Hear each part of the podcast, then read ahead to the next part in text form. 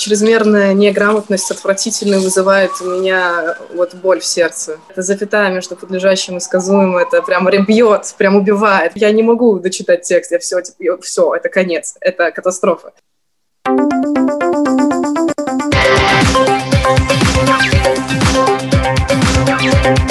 Поколение Z.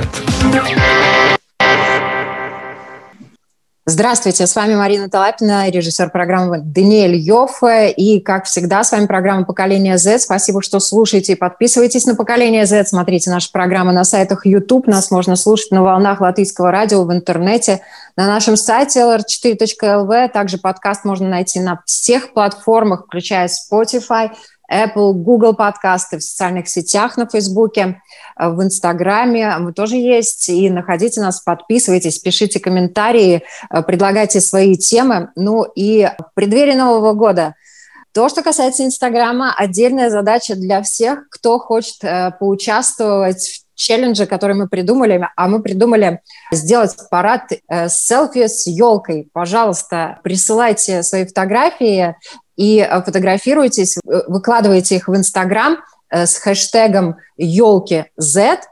Добавлю, что елки пишутся кириллицей, Z пишется латиницей. И мы обязательно все эти фотографии пересмотрим, перелюбуемся. Я думаю, что это создаст классное новогоднее настроение у всех, кто это увидит.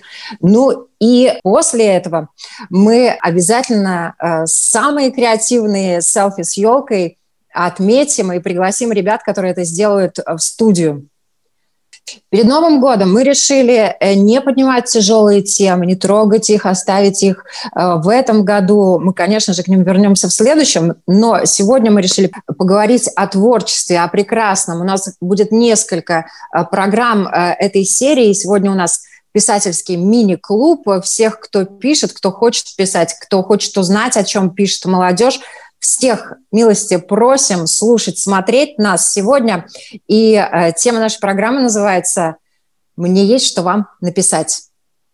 У нас сегодня такой женский состав нашего писательского клуба. Все девочки пишут, пишут прозу. С нами э, на связи Златислава Закурдаева. Привет. Привет. Татьяна Житкова. Привет. И Дара я назову сейчас твое полное имя. Мадара Дарья Кимова.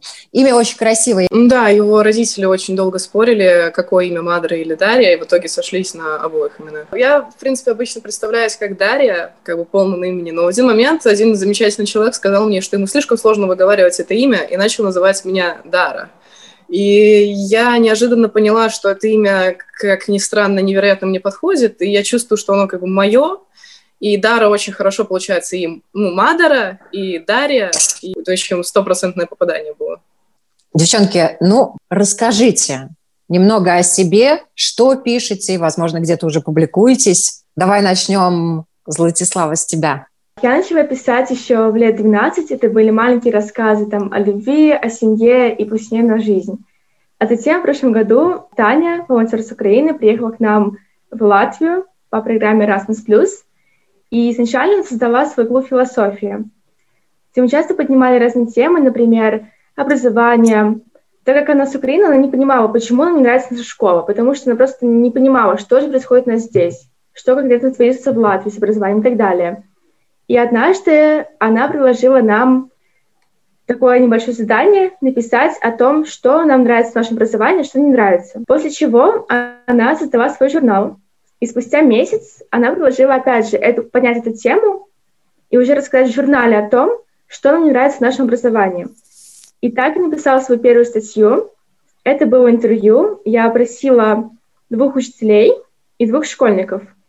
Каждый рассказал, что ему нравится в образовании, что не нравится и так далее. После чего у нас был такой положительный фидбэк. Я была восторжена, дофамин, все такое. И я продолжила писать. И Затем в мае мне опять предложила Таня написать статью, а вернее провести письменное интервью с девушкой Илзы, у которой было пограничное расстройство личности. Она сама написала нам на почту с месседжем, что она такая же, как мы все, и хочет донести для наших читателей, даже читателей Войса, о том, что мы все одинаковые люди, и не стоит как-то принижать других и так далее. Мне понравился этот месседж, после чего я написала про расстройство HPPD, стерилизацию и синдром Алисы в стране чудес. И в конце мая мы получили грант, после чего мне предложили участвовать в коммерческом проекте. Суть заключалась в том, что мы пишем 7 статей, как бы рекламируя какую-либо организацию. И там мы поднимали разные темы, например, уроки спорта в школе, положительная среда, детский алкоголизм. У тебя уже идет такая серьезная журналистская деятельность, да, да. Как, и, как и у Татьяны, наверное, да, Тань? Я скорее, э, я пишу и редактирую, но я бы сказала, что в журнале у меня более такой опыт менеджера, как бы административная деятельность. Вот, э, я помогаю журналистам, ну, как редактор, помогаю найти темы, понять, э, какие темы сейчас актуальны, конкретизировать, какие месседжи им было бы интересно донести, где искать информацию об этом всем, ну и Э, запускаю процессы, которые помогли бы им э, опубликовать эти свои идеи и донести до аудитории. Дара, что пишешь? Возможно, уже тоже где-то публикуешься?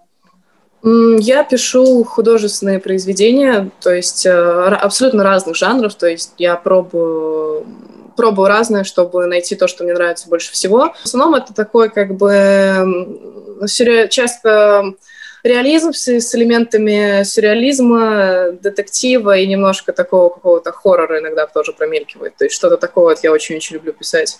И да, я пишу художественную литературу уже, я, если честно, не помню, сколько я ее пишу. Вот Предполагаю, что, наверное, лет с восьми, может быть, девяти. Я не помню, честно. Я помню вот начальная школа, какой-то вот такой момент, что у меня просто есть тетрадь, в которой я пишу, пишу, пишу, пишу, всякое, всякое самое разное.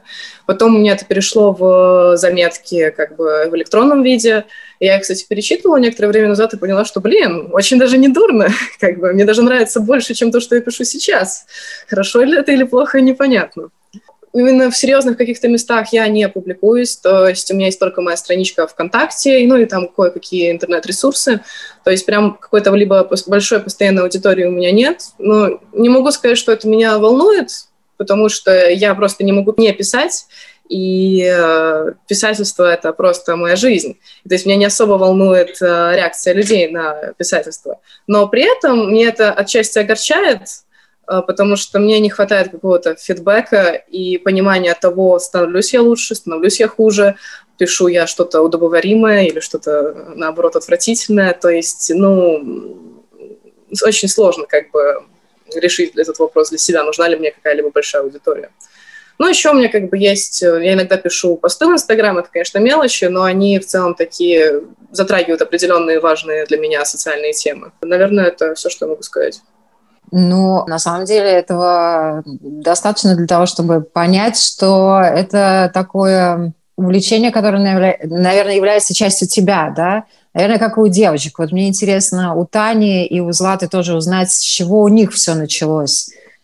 Дара нам рассказала, что у нее это началось плюс-минус где-то в лет восемь. Да, у меня также, я сколько себя помню, я всегда вела дневник, всегда мне хотелось именно писать, Возможно, это была какая-то способ рефлексии, потому что вот мне понравилось, когда рассказала, когда перечитываешь что-то, что ты писал год назад или два года назад, возникает такое ощущение, будто ты ведешь диалог сам с собой из прошлого. Когда ты сейчас пишешь, ты, возможно, тоже ведешь диалог э, с самим собой из будущего. Ну и, конечно, если кто-то будет подключаться, вот как зрители, какая-то аудитория, это тоже интересно услышать фидбэк, э, э, вести с ними такой некий диалог, когда они дают свои комментарии. Но лично для меня это всегда была какая-то возможность вот поразмышлять и пообщаться с самой собой без других когда ты хочешь что-то донести э, к другим людям, ты немного подбираешь слова, например, или хочешь под каким-то углом подсветить какую-то эмоцию или э, мысль, но когда ты пишешь, и тем более пишешь в дневник или пишешь э, в ресурс, где тебя никто не осудит или никто не будет какой-то жесткой критики, ты э, ощущаешь, будто становишься более настоящим, и ты действительно передаешь тот мир, который у тебя в мыслях, или хотя бы его часть. Злата. На самом деле, я тоже сразу детстве писала дневники и прочее, и мне намного проще излагать свои мысли письменно. И вот Таня очень верно подметила, что в дневниках у нас нет такой как бы цензуры. И это у нас месседж, месседж нашего журнала в том, что у нас нет цензуры. То есть мы пишем то, что хотим писать. Никто тебя не судит и так далее. И это очень круто. Ну вот интересно, а, о чем вы писали тогда, когда вы только-только начинали? Дара, в лет восемь. Какие темы тебя трогали? У меня это была тоже художественная литература. То есть это были вполне себе полноценные рассказы. В основном мне снились какие-то сны, которые были очень-очень яркие, запоминающиеся, и мне могли сниться сны. То есть в одну ночь мне снится первая часть истории, в следующую вторая часть истории, третья часть истории. И особенность была в том, что я вот во сне я вижу мир от лица одного персонажа, потом происходит какой-то скип, я вижу от лица другого персонажа, причем какого-то злодея, который этого персонажа там, допустим, убивает. Ну, у меня там был один рыцарский сюжет. И потом снова вообще от еще одного персонажа, и это длится несколько ночей подряд, и я просто начала это ну, записывать. То есть у меня были рассказы, ну, самые разные, собственно, все, что может присниться, то я и писала. Но чаще всего это было что-то такое, как бы э, фэнтези, такое сюрреалистичное фэнтези, какие-то параллельные миры, что-то другое, такое вот, ну, совершенно непонятное, не из нашего мира. Но иногда на меня находило что-то совсем другое настроение. Я писала довольно-таки такие грустные рассказы про про тяжелую жизнь. Ну, потому что у меня детство совсем не было отнюдь счастливым, наоборот, скажем так, противоположным. И какие-то свои такие переживания я тоже переносила на бумагу и писала очень такие мрачные рассказы, на самом деле. Особенно для какого-то 11-летнего ребенка. Я вот перечитывала и такая, блин, капец, ужас какой. Тань, я скорее писала в реалистичном стиле, я тоже писала разные рассказы, но они все были связаны вот с моей личной жизнью.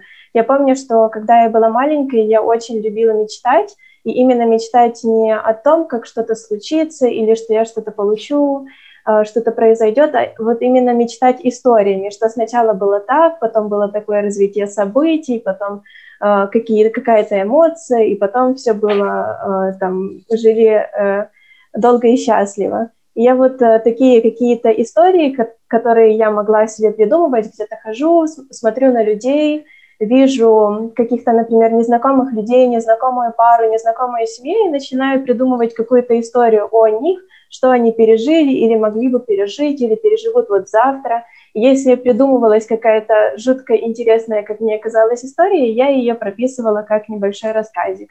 И, э, ну, конечно, я всегда начинала с мечтой написать книгу, но мне не хватало терпения, и получа, получались такие маленькие рассказы.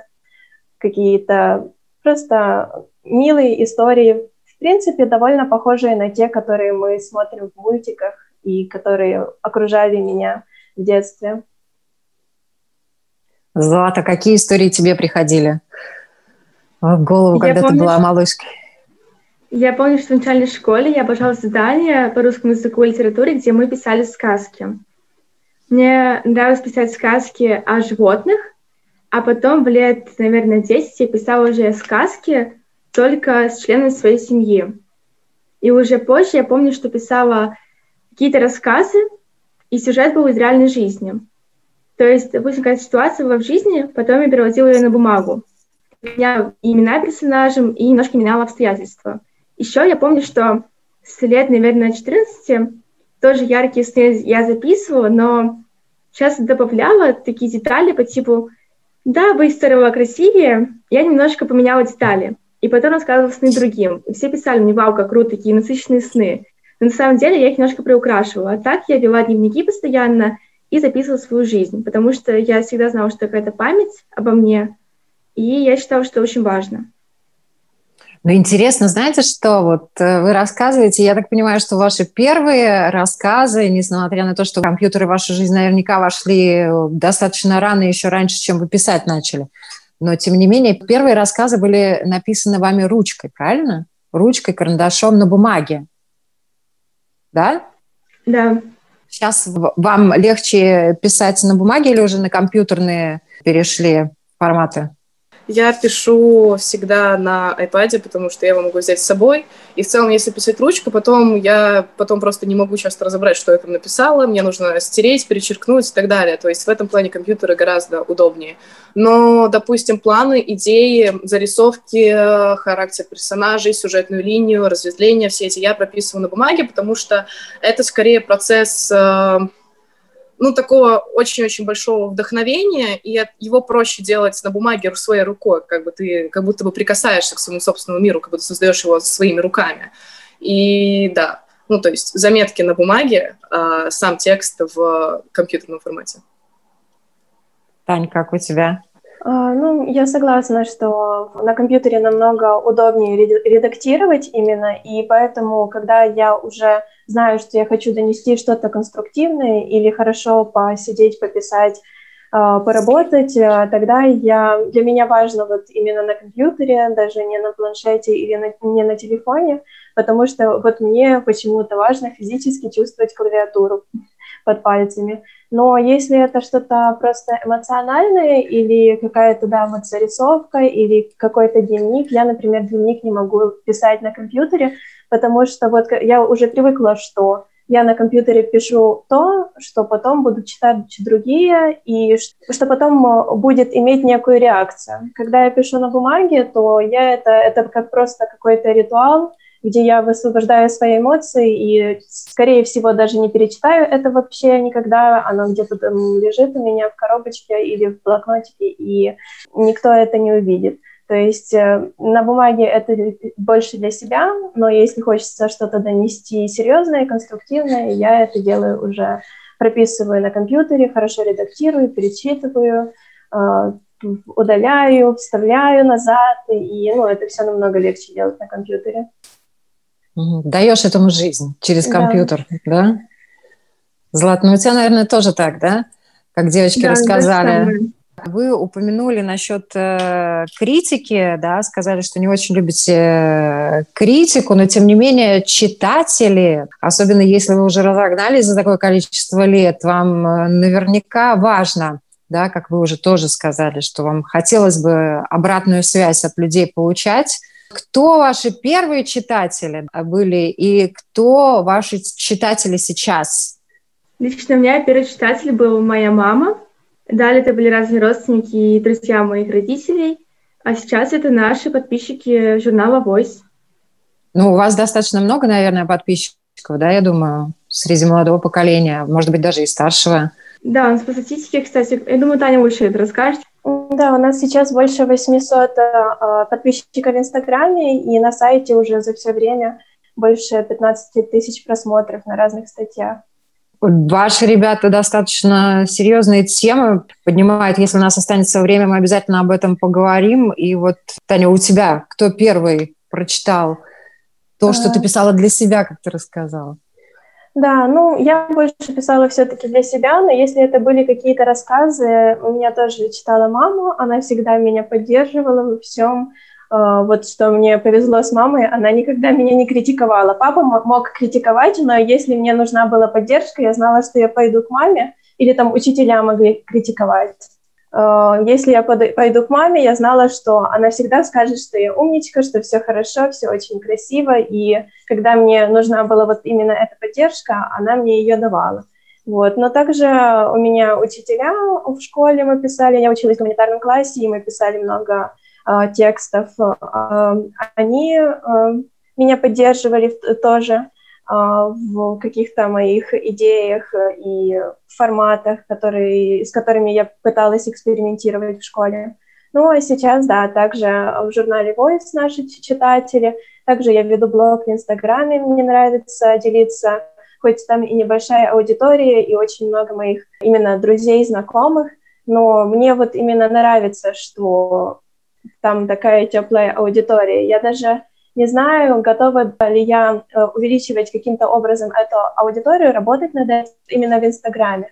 Потому что я думаю, что если ты работаешь на большую аудиторию, намного легче уже писать книги. работать над ними длительное время, проживать уже эти эмоции, которые э, ты испытываешь, когда работаешь над каким-то материалом, когда ты создаешь персонажей, потом выпускать это дело, и уже со временем, когда ты уже не настолько чувствителен э, к этому, как в процессе работы, э, уже э, предлагать свой текст широкой аудитории. Потому что если это у тебя действительно творчество, а не ремесло, мне кажется, что очень трудно вот сразу выдавать и получать фидбэк, потому что ты воспринимаешь любую критику, особенно неконструктивную, как э, критику как бы твоей личности, по сути, э, а не твоего произведения.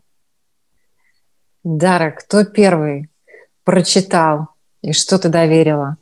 Прочитать? А, читали, скорее всего, первая это учительница русского языка в моей школе. Это был великолепный преподаватель. Именно она во многом привила ко мне, во мне любовь к русскому языку. То есть а, она как бы не то чтобы сильно выделяла мне из толпы, но она могла иногда во время какого-либо сочинения, когда работа уже проверена, сказать, вот у Мадеры замечательное сочинение, я его зачитаю вам кусочек вслух, и она читала, и мне от этого было так тепло, так приятно, потому что вау, кому-то понравилось, что я написала. И реакция одноклассников обычно была из серии «Вау, нифига, вот это да». Но как бы в целом у меня долгое время вообще не было никакой аудитории для моих рассказов, и только в каком-то восьмом, наверное, классе, ну, кроме учителей, только в восьмом классе я начала показывать свои зарисовки своему соседу по парте, с которым мы сидели вместе уже, ну, несколько лет, то есть это был, наверное, второй год или третий, как мы за одной партой сидели, и он такой, блин, тоже хорошо. И вот, да, это, пожалуй, были первые люди, которые давали мне какой-либо фидбэк. Сейчас же это мои друзья, примерно есть несколько человек, которые мои рассказы прочитают, ну, просто обязательно. Это какие-то знакомые, ну и, в принципе, люди, которые есть у меня в друзьях ВКонтакте, которые каким-то образом увидели в своей ленте мои рассказы. Ну, то есть это небольшая аудитория, это всего-то, ну, наверное, около там 100 человек плюс-минус. Но как есть. Вот интересно, ты вспомнила про своего учителя первого литературы, я вспомнила про свою учительницу литературы русского языка. У меня замечательная такая учительница была, Надежда Александровна Гребелкина. И я тоже любила писать, и она, а, в свою очередь, нам давала такие задания творческие, которые, наверное, раскрывают потенциал в детях к писательству, к написанию чего-либо. И у нас были различные сочинения, и я что-то как-то там сочинила на заданную тему в стихах. Но ха-ха-ха, это была такая очень забавная история, потому что у нас еще была тогда пятибальная система оценочная, и у меня за сочинение было пять кол, за содержание пять, а за грамматику кол. Там было все испещрено красным, тем не менее, Надежда Александровна меня очень похвалила, и она даже предлагала Э, зачитать это сочинение перед классом. И вот вопрос мой заключается в следующем. Что у вас с грамотностью? Я свою вот эту вот проблему грамматики решила исключительно путем усердного такого изучения правил русского языка. И мой папа мне очень много вещей подсказал. У него одно из образований филологическое. В принципе, я пока 10 раз свой текст не проверю, никому его не отсылаю, как у вас. Да, вот э, по поводу грамотности мне немного трудно писать на русском языке, потому что у меня родной украинский, и вот именно в украинском мне легко быть грамотной, мне легко самой себе править. Ну, конечно, нужно перечитывать, э, перечитывать, я думаю, не менее пяти раз или даже семь перед публикацией каждый раз, потому что, ну, просто просто нужно, потому что иначе э, ты можешь опубликовать действительно с ошибками, которые ты знаешь правила, но просто их не заметил. Вот. Э, но в русском языке, да, я, это у меня как бы второй язык, и я делаю ошибки, но мне вот очень повезло, просто к нам в журнал присоединился Андрей, корректор, он э, вообще, вообще у него техническое образование, и он сам программист, но он просто обожает э, изучать правила грамматики именно русского языка. У него это хобби, он часами может сидеть в каких-то правилах, и он предложил нам, э, чтобы тоже иметь какую-то практику в своем хобби, помогать нам искать грамматические ошибки, искать правила, чтобы объяснить какие-то ошибки и так далее. И вот он меня страхует в этом плане. Но если без корректора, то мне э, довольно трудно писать, причем самое сложное это, поскольку это не родной язык, я могу делать ошибки и даже не замечать, что я их делаю. И даже когда спустя там несколько лет, э, поскольку я не практикую э, русский постоянно, я могу тоже их все равно писать. Вот. И из-за этого, когда я пишу на русском, я чувствую себя не настолько уверенной, я бы сказала, как на родном языке. Но повезло, что вот есть люди, которые готовы всегда помочь. Дара, как у тебя? У меня все в целом как бы хорошо. Я не скажу, что у меня стопроцентная грамотность по русскому языку, потому что это будет ну, как бы неправдой.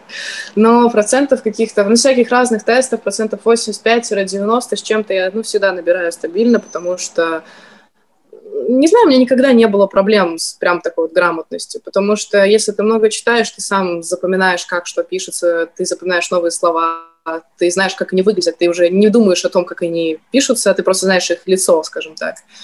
И из-за этого таких больших проблем с грамматикой у меня не было никогда. Но также у меня был очень хороший преподаватель по русскому языку, и она очень-очень доходчиво все объясняла. Сложно сочиненные, сложно подчиненные предложения у меня в голове отложились, наверное, навсегда. Конечно же, когда ты пишешь, ты можешь пропустить э, запятую, неправильно написать слово, случайно написать, использовать э, тавтологию какую-то. Но в целом при вычетке это все заменяется, и вопрос просто в количестве раз, э, которые ты вычитываешь. И как бы в целом русский язык э, не доставляет никаких либо неудобств. Ну, также, если я все же допущу и не замечу какую-то ошибку, я знаю, что она будет не такая уже как бы большая, что допущенных ошибок будет немного, и я по этому поводу не переживаю, также потому что у каждого хорошего писателя есть хороший редактор, который как раз-таки и должен эти ошибки исправлять, и в целом я не считаю, что писатель должен писать 100% грамотно. Вот каких же, опять же, этих каких-нибудь 80 вполне себе хватает, чтобы писать хорошие тексты. Амбиции у вас, матушка. Ну, наверное, это хорошо. А вот у меня вопрос к Злате. И, может быть, давай развернем э, в другую сторону. Вообще, вот ты, когда читаешь чужие тексты и видишь в них э, ошибки, тебе это режет глаз э, или нет? Потому что, в принципе, сейчас э, ваше поколение, к сожалению, отличается тем, что, ну, может быть, для меня, к сожалению, да, а вообще просто отличается тем, что много ребят достаточно, э, даже не знаю, какое слово подобрать, к русскому языку, грамматике относятся, ну, с пренебрежением, что ли. Как вы к этому относитесь, Злата? Лично мне не нравится, когда пишут в официальных текстах с ошибками, например, когда посты в Инстаграме те же самые, и там ошибки, мне это не нравится. Но я сама порой пишу очень быстро, и моим друзьям близким тоже допускаю ошибки, то есть не ставлю точки, не ставлю запятые, к тому же мне мама шепнет. Если да. не говорить а, об СМС, да, СМС мы да. не берем во внимание, а вот именно говорить о текстах, которые публикуются, о постах, о блогах, вот и так далее. Конечно, мне неприятно смотреть на ошибки, потому что я считаю, что раз вы это опубликовали, это нужно проверить не один раз. И к тому же видит много людей. И поэтому мне это не нравится. Да, я тоже спокойно не могу относиться, когда вижу даже в обычных там постах в Инстаграме какие-то ошибки. Просто мне кажется, что если ты не перепроверяешь текст, и э, не стараешься сделать все, чтобы он был максимально качественным, то это просто неуважение к читателю, и как бы ты не уважаешь время людей, которые на тебя это свое время жизни сейчас тратят, чтобы тебя понять, чтобы понять твои идеи и мысли. Ну и вообще, если говорить о нашем поколении, не знаю, вот, например, мои друзья, они все очень ответственно э, относятся к тому, что они публикуют, и мне кажется, что это очень зависит от воспитания. Если, например, человек э, э учился в в плохой школе, например, э, где не настолько серьезно к этому относятся, и он и он находится среди людей, которым не настолько это интерес, не настолько это важно, он не читает книг, потому что в книгах это обычно важно, то он и растет э, в такой среде, где действительно ему кажется, что это не настолько важно. Но те люди, которые привыкли именно читать книги, у которых хорошие учителя были в школе, которые обращали на это внимание. Мне кажется, что они уже и в взрослом возрасте просто не смогут. И просто стыдно публиковать что-то неграмотное. Дара, твое мнение по поводу грамотности, безграмотности ну, нынешнего поколения? Z? Скажем так, э, чрезмерная неграмотность отвратительно вызывает у меня вот боль в сердце. Вот когда... Вы видите ее много сейчас? Да, очень как... много. Вот, э, вот самая большая боль – это запятая между подлежащим и сказуемым. Это прям ребьет, прям убивает. Прям ты смотришь, и тебе хочется просто все я, когда я это вижу, я просто все, я, я не могу дочитать текст, я все, типа, все, это конец, это катастрофа, так нельзя. Ну, то есть одно дело, когда запятая пропущена в каких-то, ну, сложных случаях, исключениях, там, ну, это не так важно это не так бьет. Это со всеми бывает, я тоже иногда так делаю, и не так страшно. Но какие-то грубые, типичные ошибки, ну, что-то вроде написания слова, окончания, склонения, э, спряжения, запятая между подлежащим и сказуемым. Вот какие-то такие базовые вещи надо знать, но многие люди их не знают и допускают ну, настолько очевидные грубые ошибки, что от этого плохо становится. То есть я в целом не могу сказать, что я прям большой сноб в этом плане.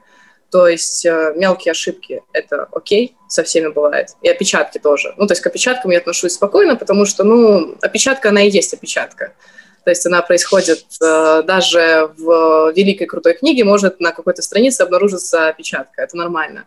Но грубые ошибки — это недопустимо и неправильно. И мне грустно от того, что все больше и больше людей начинают писать э, совершенно неграмотно, полностью игнорируя все запятые и правила и нормы русского языка. А что вам нравится самим читать из того, что пишут ваши ровесники, может быть, даже ребята помладше? Тань, тебе наверняка ребята присылают много чего, но ты далеко не все публикуешь, правильно? Ну, я бы не сказала, что не все публикую, не все публикую сразу, потому что даже если нам ребята присылают что-то, где плохо читается вот основной месседж, который они хотят донести, или э, текст безграмотный, или непонятно, что автор имел в виду, мы, как редакторы, работаем с ним. Если есть энергия на то, чтобы чем-то поделиться, мы поможем ему поделиться и понять, э, что он хочет донести, для чего он все это делает. Но что лично мне интересно читать вот в нашем журнале. Во-первых, в нашем журнале, если говорить о моем времени, э, которое я провела в Латвии, поскольку я не нашла других ресурсов русскоязычных, вот, то я единственное, что я читала в Латвии, это было на русском языке именно э, журнал Voice, потому что я латышский язык не знаю. Вот. И мне очень нравилось, э, когда нам присылали свой какой-то опыт. И я действительно восхищаюсь тем, насколько люди смелые в том, э, чтобы поделиться чем-то для себя важным и чем-то, э, через что они прошли, чтобы помочь другим через это не проходить или облегчить путь других. Вот. Мне очень нравится, когда люди действительно делятся какими-то вот э, психологич... историями каких-то психологически сложных ситуаций или э, вообще каких-то ситуаций в своей жизни, из которых они получили какой-то опыт. И также э, лично мне очень нравится, что э, я получаю довольно много от подростков, от людей, которые еще учатся в школе и ну, по сути, не имели опыта как бы журналистских исследований и вообще не изучали журналистику, насколько э, много мы получаем статей, где э, ребята действительно делают исследования просто потому, что им интересно чисто из какого-то любопытства. Они э, копают источники, они собирают какую-то статистику и из этого делают вывод. Вот мне очень нравится именно читать такой контент от, молод... от молодых людей, от людей, которые делают это не потому, что так редакция сказала, а просто потому, что у них есть жажда э, разобраться, желание э, понять и донести, и потом читать вот их выводы из таких исследований. У вас вообще, э, конечно, темы поднимаются очень разные, очень откровенные, очень смелые. Я понимаю, что сегодня молодежи есть что сказать, и некоторые из ребят умеют это обличить э, в форму вот как раз в тексты и написать это умеет красиво, четко донести, жестко даже, может быть, очень так прямолинейно. Меня удивил текст э, на voicemedia.lv. Человек написал явно под э, псевдонимом, но, возможно, это помогло ему настолько так откровенно раскрыть свою проблему.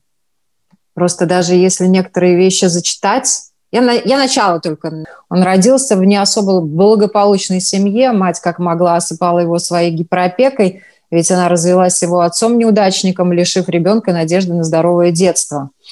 Чтобы не умереть с голода, она работала на двух работах, вычеркнув из его жизни важность родительского воспитания. Он никогда ничего не делал сам, не принимал собственных решений, а в детском саду, а позже и в школе. Его душу ранила зависть сверстникам, когда они рассказывали о времени, проведенном с отцом.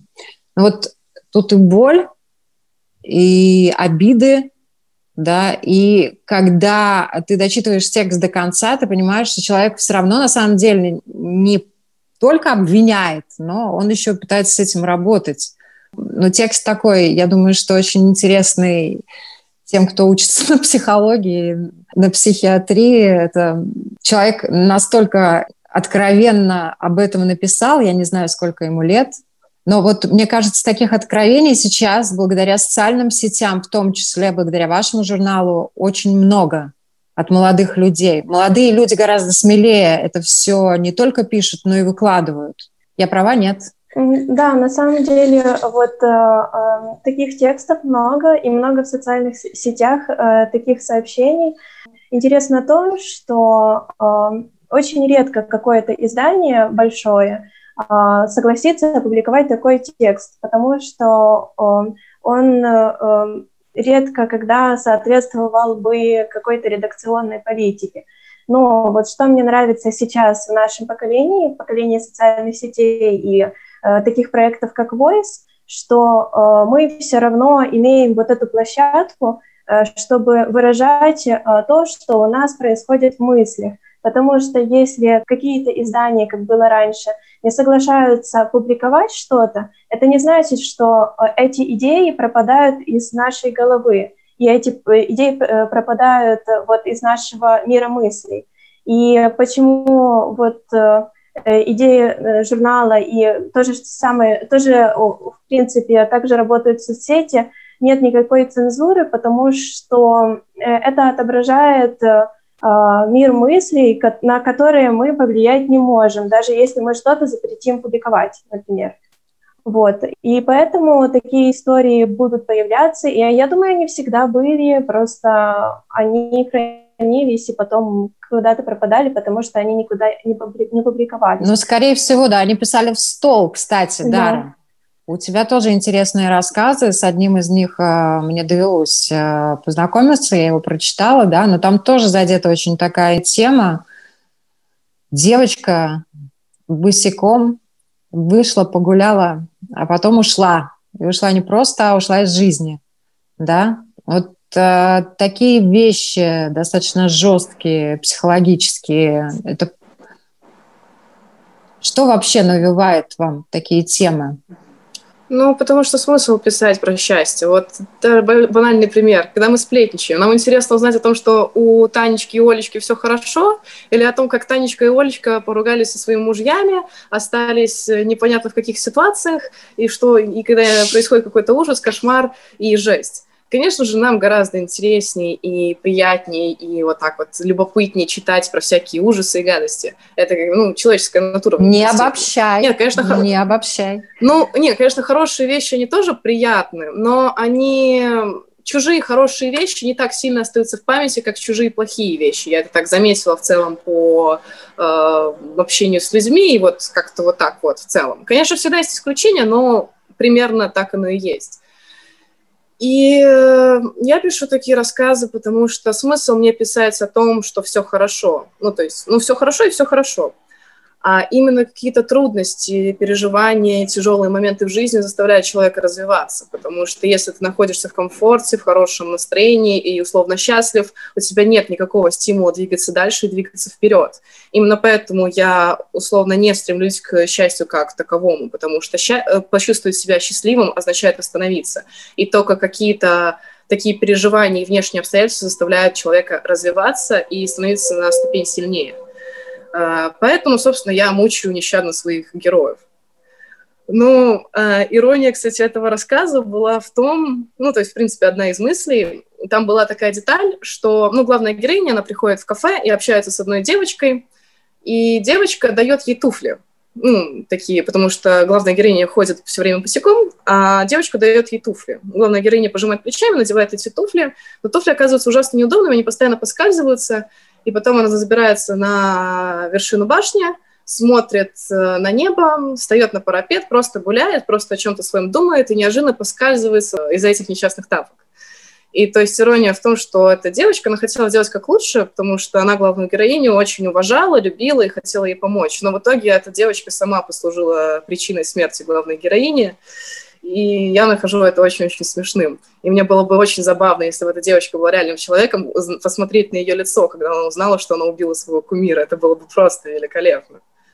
Да, ну, в общем, я в этом плане... Это так по-садистски, я бы даже сказала. Нет, это просто забавно. В принципе, любые подобные казусы, они грустные, это печально, я бы никому их не пожелала, но мы часто хотим помочь другим людям, мы даже пытаемся их спасать, мы пытаемся вытащить их из той ямы, в которую они сами себя зачастую загнали, но это может привести к плачевным последствиям, потому что не всегда нужно кого-то спасать, не всегда человек хочет быть спасенным. Возможно, то, что ты видишь как несчастье для него, является самым настоящим счастьем.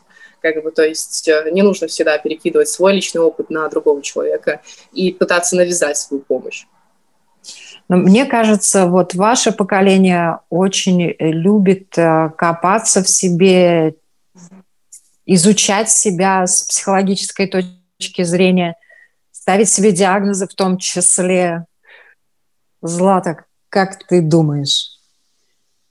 Лично мне кажется, сейчас у нас скорее нет такой цензуры, как раньше. И, например, я вспомнила сразу ситуацию, когда я болтала с мальчиком из Войсом, он писал статью о анорексии, и он сказал такую фразу. «Я писал о том, о чем никогда не говорил мой папа, о чем никогда не говорили мои родители, хотя проблема всегда была, и они ее видели, и они о ней знали, но мы об этом не говорили». Мне очень понравились эти слова, и я их как-то запомнила, и сейчас я тоже думаю, что на самом деле у нас такое более свободное поколение, поэтому мы любим говорить о том, что мы реально чувствуем, о том, что происходит. Будь это что такое кошмар. Например, раньше же э, на постсоветском пространстве мы живем, и в Советском Союзе, только мне известно, э, боялись говорить о диагнозах, потому что тогда ты какой-то не такой и так далее, ты какой-то странный. Но сейчас мы принимаем друг друга, мы об этом говорим, и это реально здорово. У нас в Войсе писали о пищевом, расстройстве пищевого поведения, о анорексии и так далее. И после этого я даже общалась с парочкой ребят из Young Foster, и даже мне говорили лично, что это здорово, у меня тоже вот пищевое расстройство, у меня тоже то же самое, у меня тоже постоянная лень и так далее. И люди понимают, что это есть у всех, что мы все похожи, что это не я один такой странный, а таких много, и это здорово. Наверное, можно сказать, подводя итоги нашей сегодняшней программы, что поколение Z однозначно пишет, и пишет много, даже, может быть, не столько пишет, сколько печатает на клавиатуре.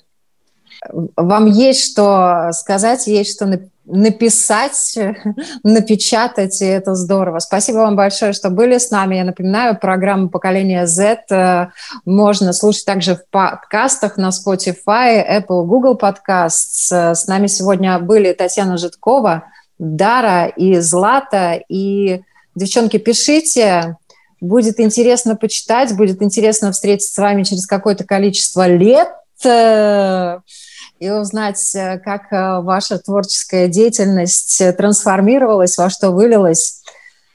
Вот, очень приятно было пообщаться. Всем хорошего дня. Пока, спасибо. Пока. Поколение Z.